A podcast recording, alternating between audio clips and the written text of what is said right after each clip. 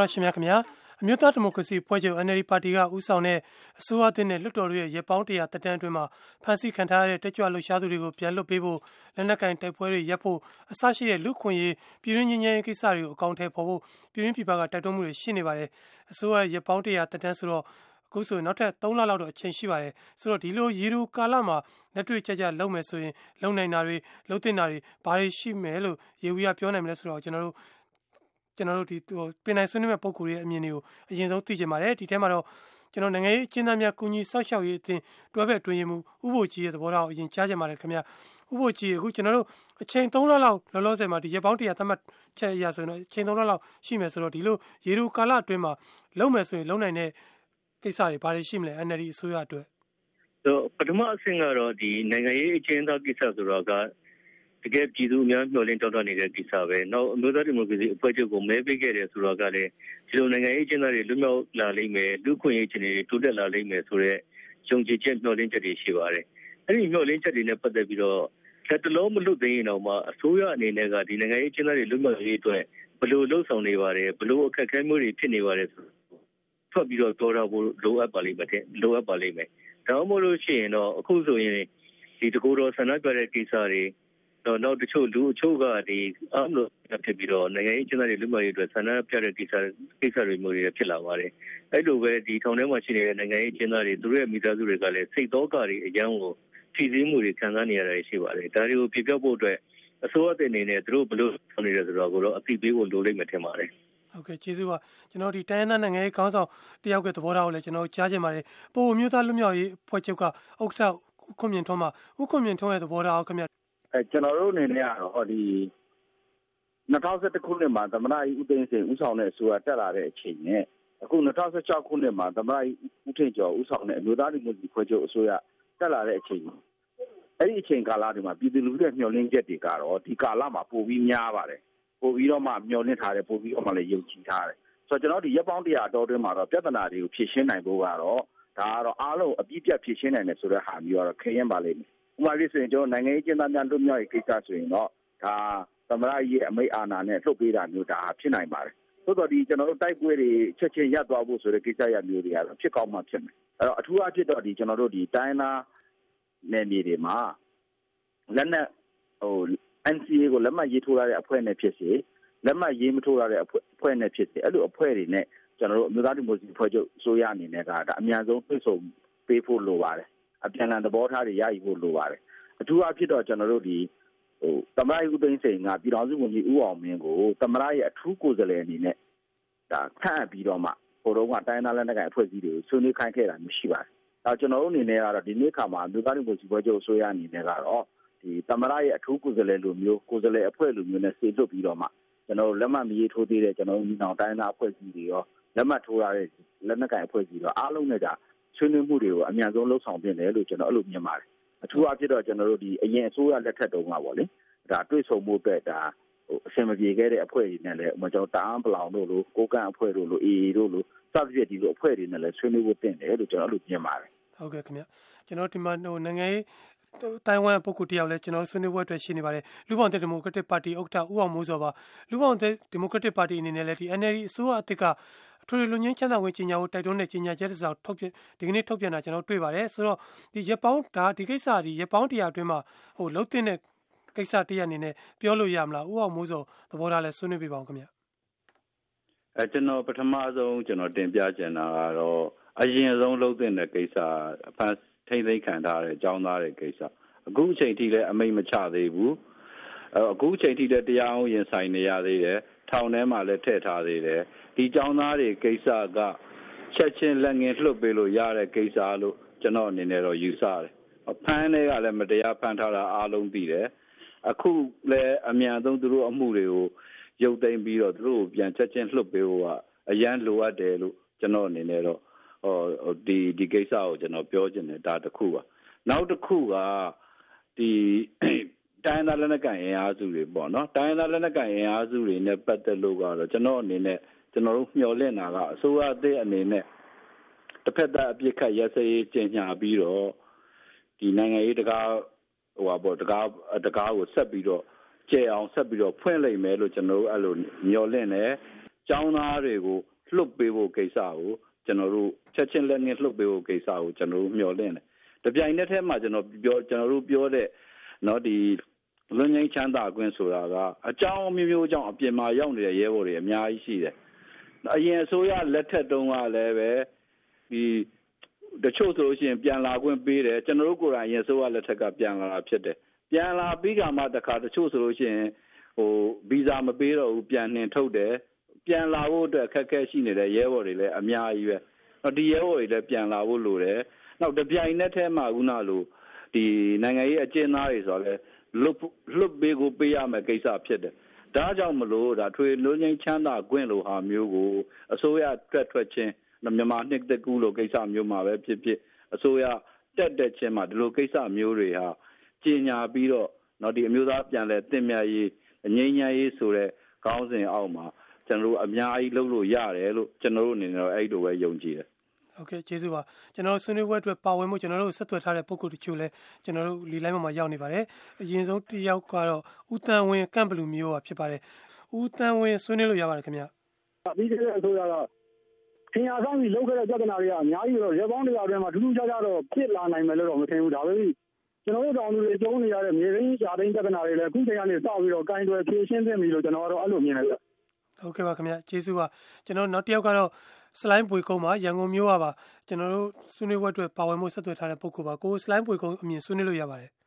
ဟုတ်ကဲ့ဆရာဟောကျွန်တော်ဆွေးနွေးရှင်တဲ့ကိစ္စကတော့ဒီတက်မတော်နဲ့ညှင်ထိုင်းပြီးတော့မှအာညှင်ထိုင်းဆရာမလို့တဲ့ပြုပြင်ပြောင်းလဲရေးဟူသည်များအားလုံးကိုဒီရက်ပေါင်းတရာအတော်တွင်းမှာပထမဦးစားပေးနေနဲ့အင်လီဒီအစိုးရလို့ခေါ်မှာပေါ့ဒါလှုပ်စစ်ချင်တာပေါ့ဥပမာဥပမာတမရကလုံငင်း အာလူငင်းတက်တာခွင်းလို့ခေါ်မလားဥပမာပုံမှန်ညောက်လေကကြီးဟာမျိုးခတ်ခွဲကတော့ထားလိုက်ကကြီးကတော့အင်္ဂလိပ်လိုနဲ့ pardon လို့ခေါ်တယ်ခတ်ခွဲကတော့ amnesty ပေါ့ဥပမာ pardon ဆိုတဲ့ဥစ္စာကတမရတယောက်တည်းနဲ့တပါးတည်းနဲ့လုံနိုင်တဲ့ကိစ္စဖြစ်တဲ့အတွက်အဲ့ဒါမျိုးတွေကိုဥစားပေးပြီးတော့မှအဲလှုပ်စစ်စင်းတယ်ပြီးတော့ဥပမာငင်းချမ်းရေးဆိုတဲ့နေရာမှာအပိခတ်ရက်စေးဆိုတဲ့နေရာမှာအခုတော့ချက်ချင်းကြီးလှုပ်လို့မရပေမဲ့လို့ဘလို့အခင်းချင်းနဲ့အာသူတို့ဆက်အ လုပ်မလဲနောက်ဘလို့ဖွဲ့စည်းကိုဖွဲ့ပြီးတော့မှသူတို့နဲ့တိုက်ရိုက်ဆက်သွယ်မလဲဆိုတဲ့ဥစ္စာတော့ချင်းချင်းလေးတော့နည်းနည်းဟိုဗာလေအယောင်ပြစစ်ရှင်တာပေါ့နော်နောက်ပြီးတော့မှ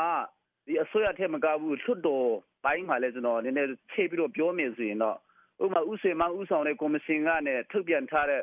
မလိုလားတဲ့ပုံမှန်ဒီပြည်သူအနှောက်အယှက်ဖြစ်နေတဲ့ဥပဒေမျိုးတွေကိုအာဟိုဗာလေအာ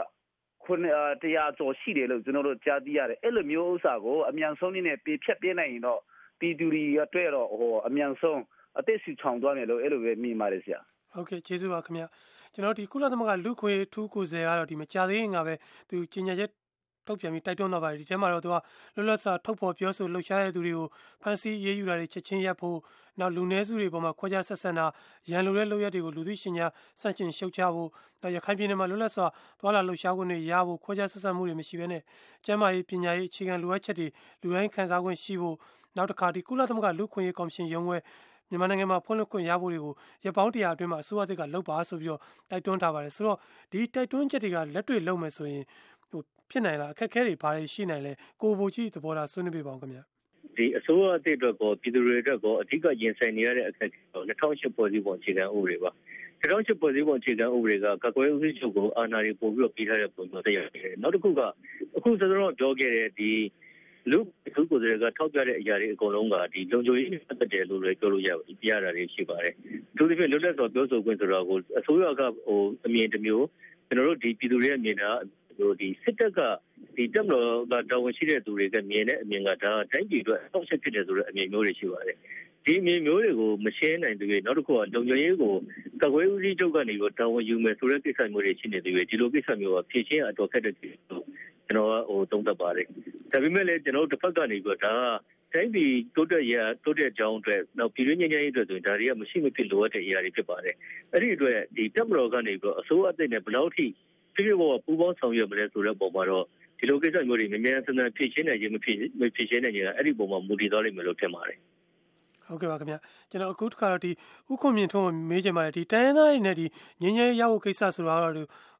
ဒီရပောင်းတရားတွင်းမှာမဖြစ်ဟိုဖြစ်ဖို့မလွယ်ဘူးဆိုတော့သေချာတော့ပါဆိုတော့အ ਨੇ ဆုံးပဲဖြစ် အဆင့်မှာပေါ့လေတိုက်ပွဲတွေမဖြစ်အောင်ပဲဖြစ်ဖြစ်ဟို NLD အစိုးရအနေနဲ့လုံနိုင်တဲ့အခြေအနေမျိုးရောမရှိနိုင်ဘူးလားတခုတော့ရှိတာတော့ဟိုဒီကိစ္စမျိုးမှာမှာတော့ဒီကိုပိုကြီးပြောသလိုပေါ့လေဒီကိစ္စမျိုးမှာအထူးသဖြင့်ကတော့တက်နေရလဲပိုဆိုင်နေတော့ဒီကိစ္စလောက်အကန်ရတော့ခက်နိုင်တာပေါ့လေဥခုမြင့်တုံးသဘောထားဆွေးနွေးပြပါဦးခင်ဗျအဲကျွန်တော်တို့အမြင်ကတော့အခုဒီအရင်တုန်းကဗမိုင်းဦးသိန်းစိန်လက်ထက်ကဖွဲ့စည်းခဲ့တဲ့ UPCC လို့ခေါ်တဲ့ဒီပြည်တော်စုငြိမ်းချမ်းဖော်ဆောင်ရေးကော်မတီဆိုတာရှိတယ် UPWC လို့ခေါ်တဲ့ပြည်တော် ပြည်တော်စုငြိမ်းချမ်းရေးဖော်ဆောင်မှုလုပ်ငန်းကော်မတီဆိုတာတွေဖွဲ့ခဲ့တာရှိပါတယ်အဲ့တော့အခုကျွန်တော်တို့အမျိုးသားဒီမိုကရေစီဖွဲ့ချုပ်ဆိုရလက်ထက်မှာတော့ကျွန်တော်တို့အခု Union Peace Commission ဆိုတာမျိုးဖွဲ့မယ်လို့တော့ကျွန်တော်ကြားတယ်ဆိုတော့ထင်ရှားတော့မတွေ့ရသေးဘူးပေါ့လေအဲ့တော့ဒီလိုမျိုးဖွဲ့စည်းမှုတွေကိုလည်းကျွန်တော်တို့ဒါကတော့ဟိုအမြန်လှုပ်ဆောင်ဖို့လိုတယ်လို့ကျွန်တော်အဲ့လိုမြင်ပါတယ်နောက်တစ်ခုကတော့ဟိုကျွန်တော်တို့ငြိမ်းချမ်းရေးဆွေးနွေးမှုပူးတွဲကော်မတီ UPDJC ကိုဖွဲ့တဲ့အခါမှာအစိုးရလွှတ်တော်တပ်မတော်ကတစ်ဖက်အဲ ကျွန်တော်တို့ဒါ16ဦးနဲ့နိုင်ငံရေးပါတီက16ဦးပြီးရင်ကျွန်တော်တို့ final level ကများ16ဦးအဲ့လိုဖွဲ့ထားတဲ့ငင်းငင်းဆွေးနွေးပူးတွဲကော်မတီရှိပါတယ်အဲ့တော့အခုဒီအစိုးရအသစ်အသစ်အဟောင်းအပြောင်းလဲကာလမှာအဲ UPDJC ကအလုံးမလုံးနိုင်ဖြစ်နေပါတယ်ဒါမှမဟုတ်ဒီအဓိကကတော့ရင်အစိုးရလွှတ်တော်အစိုးရနဲ့လွှတ်တော်ဘက်ကကိုယ်စားလှယ်အပြောင်းလဲကိုအဲ့ဒီမှာဆောင်ရွက်ပေးရမှာဖြစ်ပါတယ်။ဒါကြောင့်ကျွန်တော်တို့ကဒီငင်းငင်းဆွေးနွေးမှုပူးတွဲကော်မတီလိုမျိုးဒီအလုံးလုံးနိုင်ဖို့အတွက်ကိုလည်းပဲလက်ရှိတာအစိုးရကနေပြီးတော့မှဒါအစိုးရလွှတ်တော်ပိုင်းတွေမှာဒီတောင်းပေးခန့်မှုတွေ ဒါလုပ်ဖို့လိုပါတယ်နောက်တစ်ခါကျွန်တော်တို့ဒီ NCA စာချုပ်ကိုကလက်မှတ်ရေးထိုးရလို့မထိုးလို့ကျွန်တော်သဘောတူခဲ့ပြီးသားဖြစ်ပါတယ်အကြောင်းမို့လို့ဒီ NCA စာချုပ်အကောင့်တွေပေါ်တဲ့အခါမှာဘက်ကနှစ်ဖက်ဖြစ်ပါတယ်အစိုးရလွှတ်တော်တမတော်လို့ပြောတဲ့ပြည်တော်စုအစိုးရတစ်ဖက်ဒါကျွန်တော်ဒီတိုင်းသားလက်နက်ကိုင်ဒေါ်လာရေးဖွဲ့စည်းများတစ်ဖက်ဖြစ်ပါတယ်အဲအဲ့ဒီအပေါ်မှာတော့ဒီမြို့သားဒီမိုစီဖွဲ့ချုပ်နေနဲ့ဒီကျန်တဲ့ကျွန်တော်အစိုးရလွှတ်တော်တမတော်ဆိုတဲ့အတွင်းမှာလည်းဆွေးနွေးဖို့လို့ကျွန်တော်တို့ဒီလက်မှတ်ရေးထိုးတဲ့အဖွဲ့အစည်းတွေတော့မထိုးတဲ့အဖွဲ့အစည်းတွေတော့ဒါ ဆွေးနွေးပြီးတော့သဘောထားရယူတဲ့ပူပေါင်းဆောင်ရွက်မှုတွေတော့ဒီကာလမှာဆောင်ရွက်တဲ့ကြောင်းမြင်ပါတယ်ဟုတ်ကဲ့ကျေးဇူးပါတော်တရှင်တချို့ပေးထားတဲ့ပေးစာတချို့ကိုလည်းပဲကျွန်တော်တို့ဒီနေရာမှာဖော်ပြကြပါတယ်စာရဲနဲ့ရှေးတော့ကျွန်တော်ဟိုအချိန်ရလောက်နဲ့လည်းအချင်းယုံပြီးဖော်ပြကြပါတယ်အရှင်ပညာတီဟာဆိုလည်းလောက်ဟုတ်ကဲ့ဟိုအခုတက်လာတဲ့အစိုးရပထမဆုံးလောက်အောင်မှာငွေကြေးကိုအမခံချက်ပြန်ရအောင်လုပ်ဖို့ပါပဲဒီနေ့ Facebook မှာတင်လာတဲ့ Army Officer ကရွှေဆိုင်ဝင်လုံးတာ တက္ကသိုလ်ကတိကကိုငရုတ်ကြည်ပွေးနဲ့ထုပြီးလူတာတွေဟာ hyper inflation ရဲ့ပြရုပ်တွေပါဝန်ထမ်းလောကမှာအောက်ခြေဝန်ထမ်းတွေဘလို့ခံစားနေရတယ်လဲ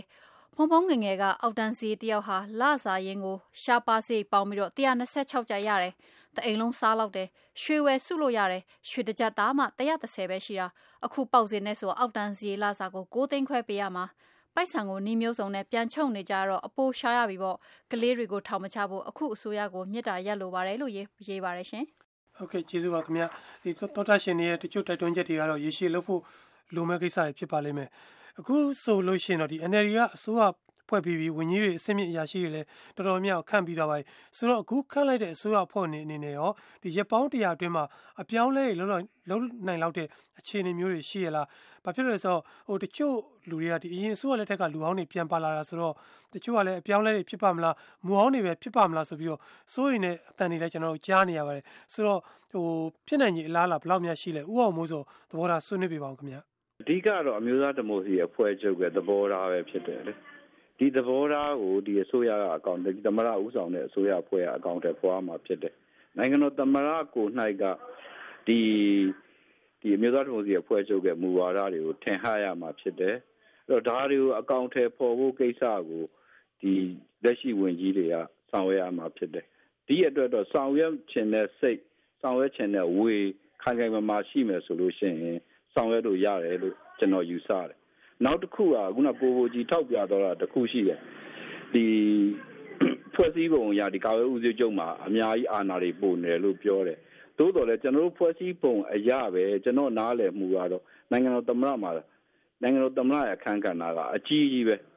နိုင်ငံတော်သမ္မတအနေနဲ့ကနေ့ចောင်းသားတွေကိုလှုပ်ပေးခြင်းနဲ့ဆိုလှုပ်ပေးလို့ရတယ်နိုင်ငံတော်သမ္မတအနေနဲ့ကနေ့နိုင်ငံရေးအကျဉ်းသားတွေကိုလှုပ်ပေးခြင်းနဲ့ဆိုလှုပ်ပေးလို့ရတယ်နိုင်ငံတော်သမ္မတအနေနဲ့